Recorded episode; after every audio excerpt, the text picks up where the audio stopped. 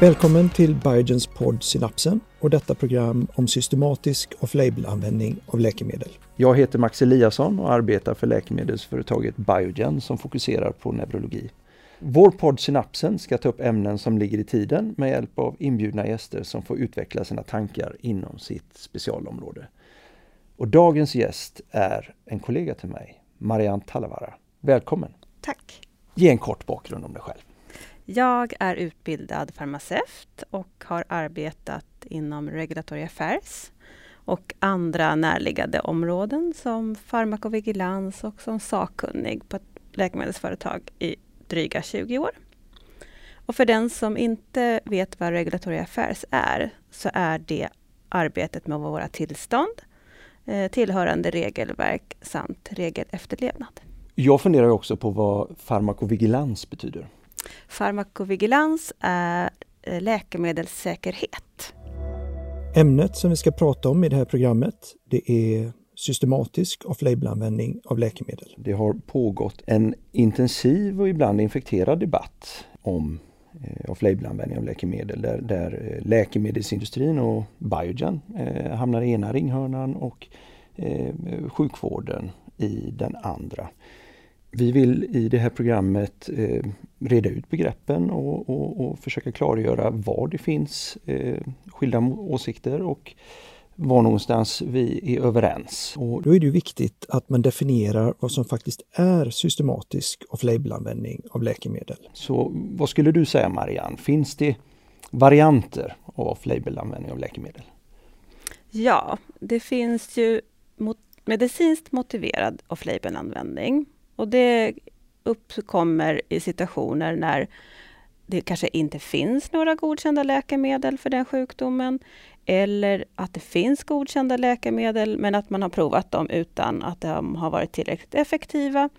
Eller kanske situationer där de godkända läkemedlen inte kan användas på grund av till exempel annan samsjuklighet.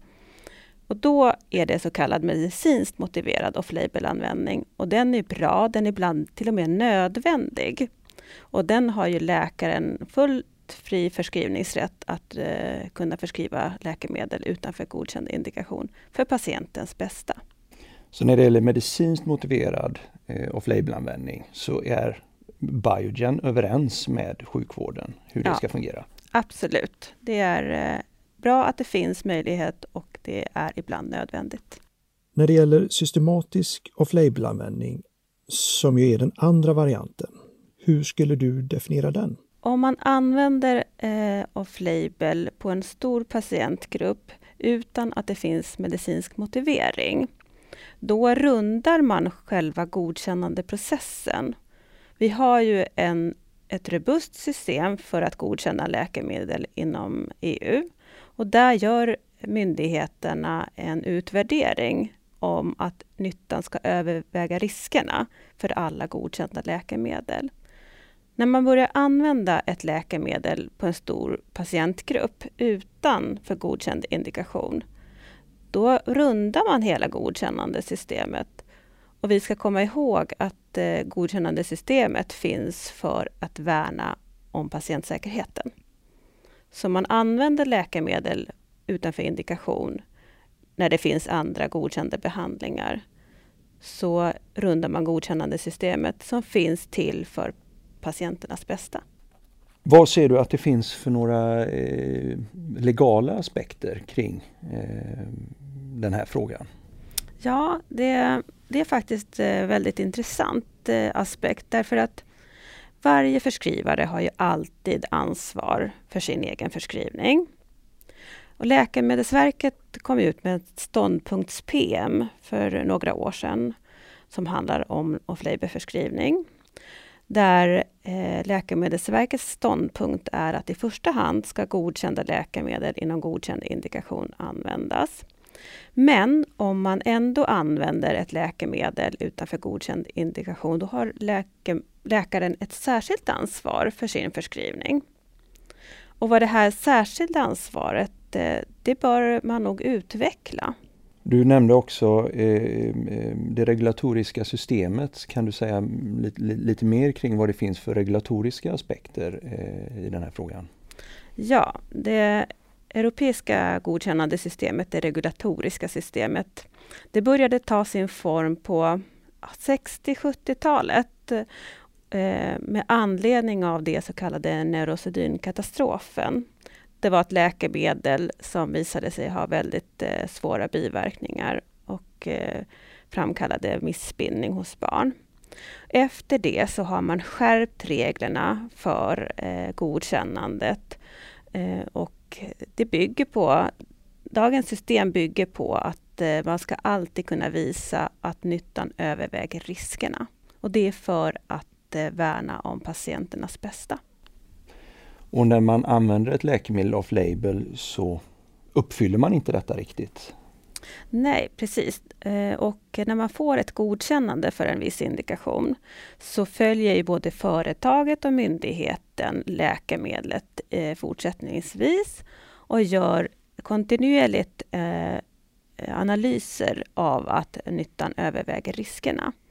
När man använder ett läkemedel utanför indikation i stor omfattning, då kommer den här informationen inte fram och då kan inte Läkemedelsverket eller företagen göra den nödvändiga uppföljningen. Jag vet ju att eh, det, det finns ju exempel på flabelanvändning eh, som är omfattande, eh, som inte alltid är medicinskt motiverad men där man eh, anser att man följer eh, eh, patienternas eh, tillstånd, både, både biverkningar och effekt, i kvalitetsregister. Är inte det tillräckligt? Kvalitetsregister och registerstudier ger ju svar på andra frågor än kontrollerade randomiserade studier. Så eh, svaret är ju att eh, registerdata och registerstudier inte ger samma robusta eh, kvalitet på den eh, kliniska datan som eh, andra kontrollerade studier gör. Så, du menar att genom systematisk off-label-användning så har man inte samma robusta data för läkemedlet som man har om man hade haft indikation? Man följer inte eh, biverkningar och liknande lika rigoröst. Vad, vad skulle det kunna få för konsekvenser? Ja, ett exempel är ju att biverkningar som uppkommer efter antingen lång tids behandling eller om man använder ett läkemedel under lång tid. Det kommer ju att dröja innan man kommer att upptäcka. För alla godkända läkemedel görs ju kontinuerligt den här uppföljningen om både långtidseffekter och effekter av långtidsbehandling. Det gör man inte när man använder det utanför indikation. Det här du säger Marianne, det, det betyder ju att det finns eh, skillnader i hur man samlar in information om läkemedel, om det är inom, inom indikation eller om det är utanför indikation. Eh, kan du säga några ord om det? När man godkänner ett läkemedel så eh, görs kliniska studier och i kliniska studier så monitorerar man dem aktivt, det vill säga man letar efter biverkningar. När läkemedlet sedan är godkänt eller när läkemedlet används utanför indikation, då finns inte den aktiva monitoreringen utan då är det läkarna eller patienterna som får spontant rapportera in sina biverkningar. Och vi vet att eh, det finns en underrapportering av spontana biverkningar. Och det kan också uppkomma situationer där man inte riktigt förstår att det här är en biverkning av läkemedlet och därmed inte rapporterar in det. Så att den eh, uppföljningsdatan som man får efter godkännandet eller när man använder ett läkemedel utanför indikation, den blir mindre robust än de kliniska studier som behöver genomföras för att få ett godkännande. När det gäller potenta läkemedel så eh, finns det ett krav på läkemedelsföretag att ha en risk management plan. Ja, en risk management plan, en riskhanteringsplan det är en plan som företagen kommer överens med myndigheterna om. Och där eh, listar man de kända biverkningarna, de misstänkta biverkningarna. Man eh, eh, listar också sånt som man behöver ta reda på lite mer om läkemedlet och dess användning. Det kan vara så till exempel att man identifierar att man har inte tillräckligt mycket kunskap om hur läkemedlet används hos vissa patientpopulationer eller vid viss typ av samsjuklighet. Och då har man identifierat det och då arbetar företaget aktivt med att samla in den informationen. När ett läkemedel används utanför indikation, då saknas hela den hanteringen för den indikationen, det vill säga det kommer aldrig att bli känt.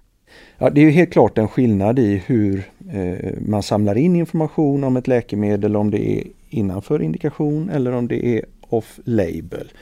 Eh, vad har det för konsekvenser eh, för patientsäkerheten i ett långt perspektiv? När man använder ett läkemedel i stor omfattning utanför indikation, då finns det idag inget systematiskt sätt att samla in information, varken för företaget eller för eh, myndigheten. Och det gör att den här kontinuerliga nytta-riskanalysen uteblir. Så att långsiktigt så eh, utsätter man ju patienter för okända risker. Enligt eh, patientlagen så ska ju patienten vara eh, väldigt delaktig i sin egen vård och eh, även vara välinformerad om beslut om eh, den egna vården.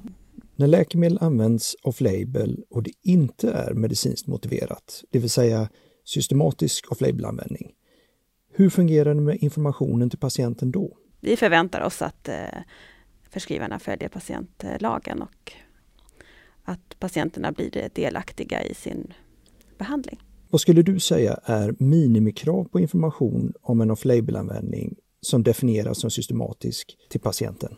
Patienterna ska alltid informeras av, om behandlingen och vilka behandlingsalternativ som står till förfogande.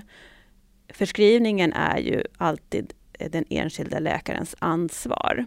Nu hakar jag på det här, för det här är ju intressant med ansvarsfrågan vid systematisk off-label-användning. Eh, det kan ju vara så att det finns ett, eh, ett önskemål ifrån eh, huvudman inom sjukvården att använda ett visst läkemedel för att det är ekonomiskt fördelaktigt fast det är off-label. Vem har ansvaret egentligen vid Eh, den här typen av förskrivning om det nu skulle eh, bli eh, oväntade resultat eller oönskade resultat? Ja, och den frågan är ju ständigt aktuell. Läkemedelsverket har ju undersökt frågan och skriver också i sitt ståndpunkts-PM att förskrivaren har alltid ansvar för sin förskrivning. Så det är alltid läkarens eget ansvar. Även om det finns ett krav ifrån regionen att man ska använda ett visst läkemedel off-label för att det sparar pengar? Ja, det är alltid läkarens eget ansvar. Du säger att det är den förskrivande läkaren som har det yttersta ansvaret vid systematisk off-label-användning. Kan du ge något exempel på vad man behöver ha klart för sig vid den typen av förskrivning? Som vid all förskrivning så har ju den enskilda läkaren sitt fulla ansvar för, för förskrivningen. Och eh, patienten ska ju vara delaktig i valet av behandling och i sin behandling enligt patientlagen. Eh, det är också viktigt att förskrivaren säkerställer att patienten omfattas av eh, försäkring.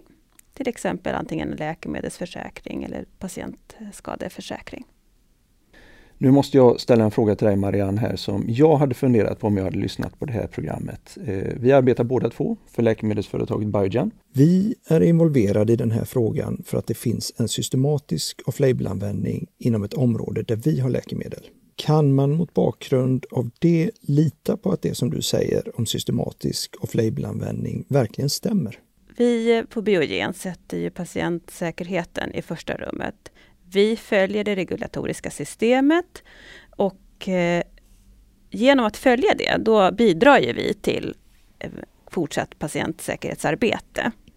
Så att vi värnar om det regulatoriska systemet för patienternas bästa.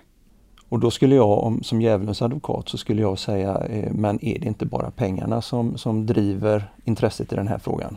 Nej, vi följer det regulatoriska systemet därför att det är väl etablerat och det är det sättet som vi ska ha läkemedel inom Europa.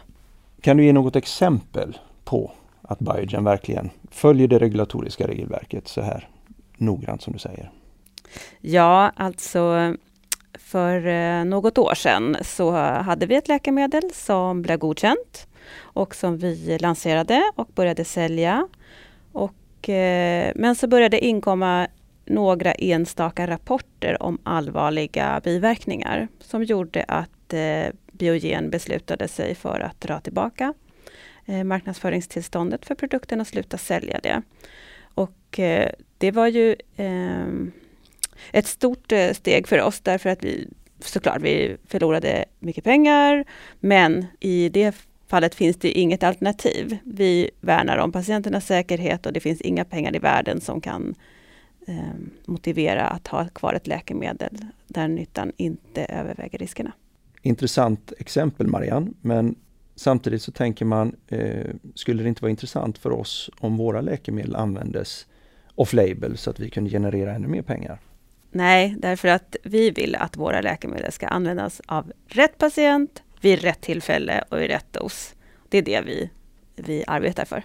Biogen är inte de enda som är intresserade av frågan om systematisk off-label-användning. Läkemedelsverket fick ju i våras, vilket då är våren 2019, ett regeringsuppdrag att se över den här frågan.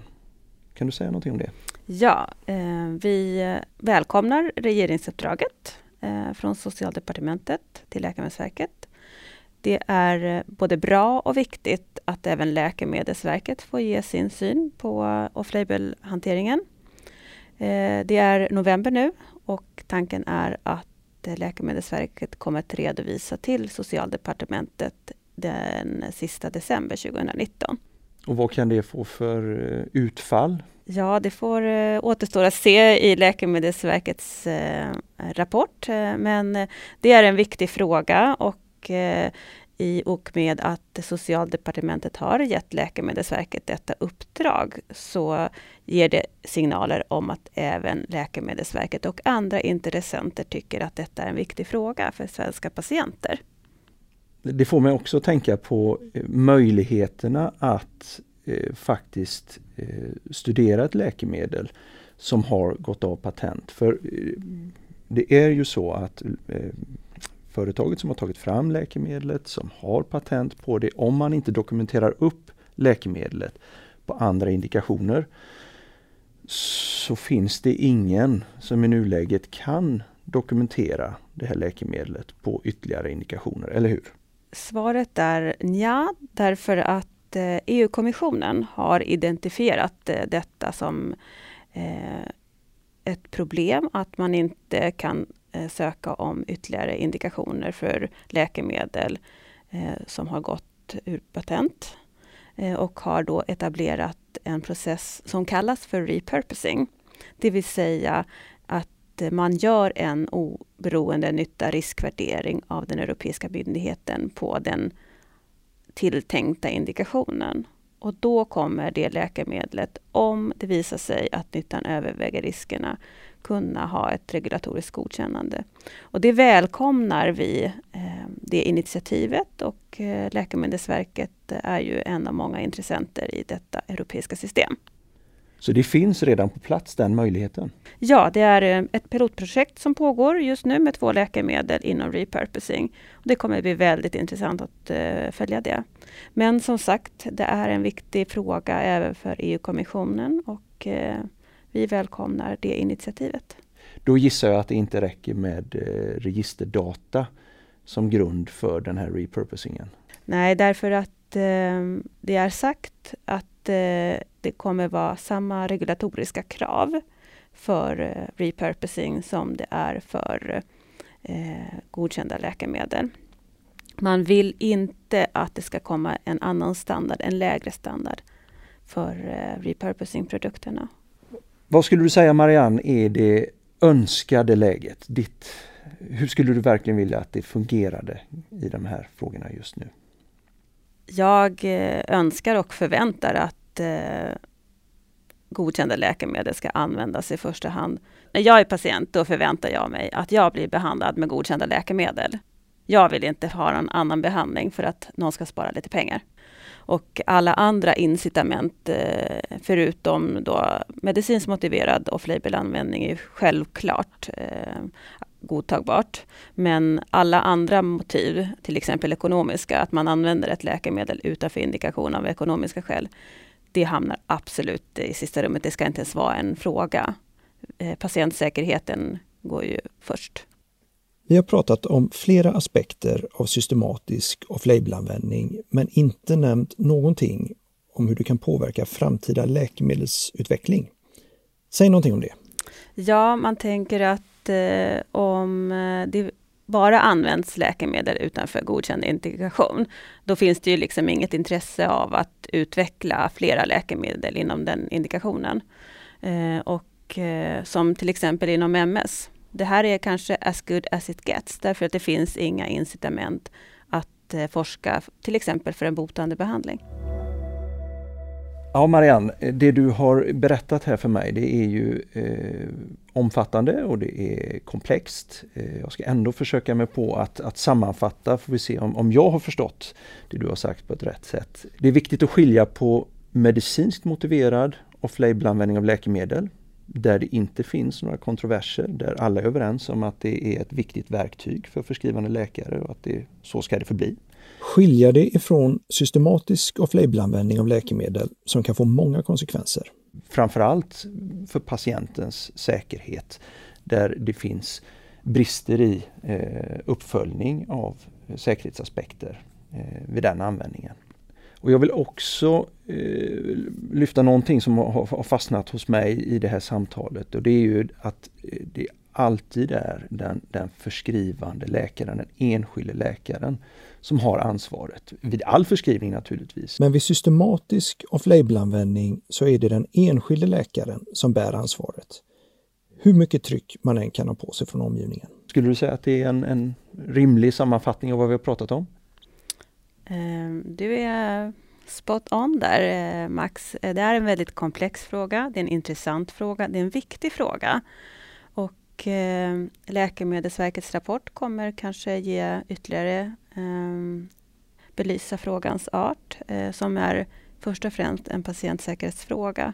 Men det finns också juridiska frågor och andra ansvarsfrågor som behöver eh, ha klarhet. Tack Marianne Talavara, Regulatory Affairs Director på Biogen. Tack. Det har varit ett nöje att prata med dig här idag och få höra din syn på systematisk off-label-användning av läkemedel. Jag som har pratat med Marianne eh, heter Max Eliasson och arbetar också för läkemedelsföretaget Biogen. Och denna podd har producerats av TTV Media.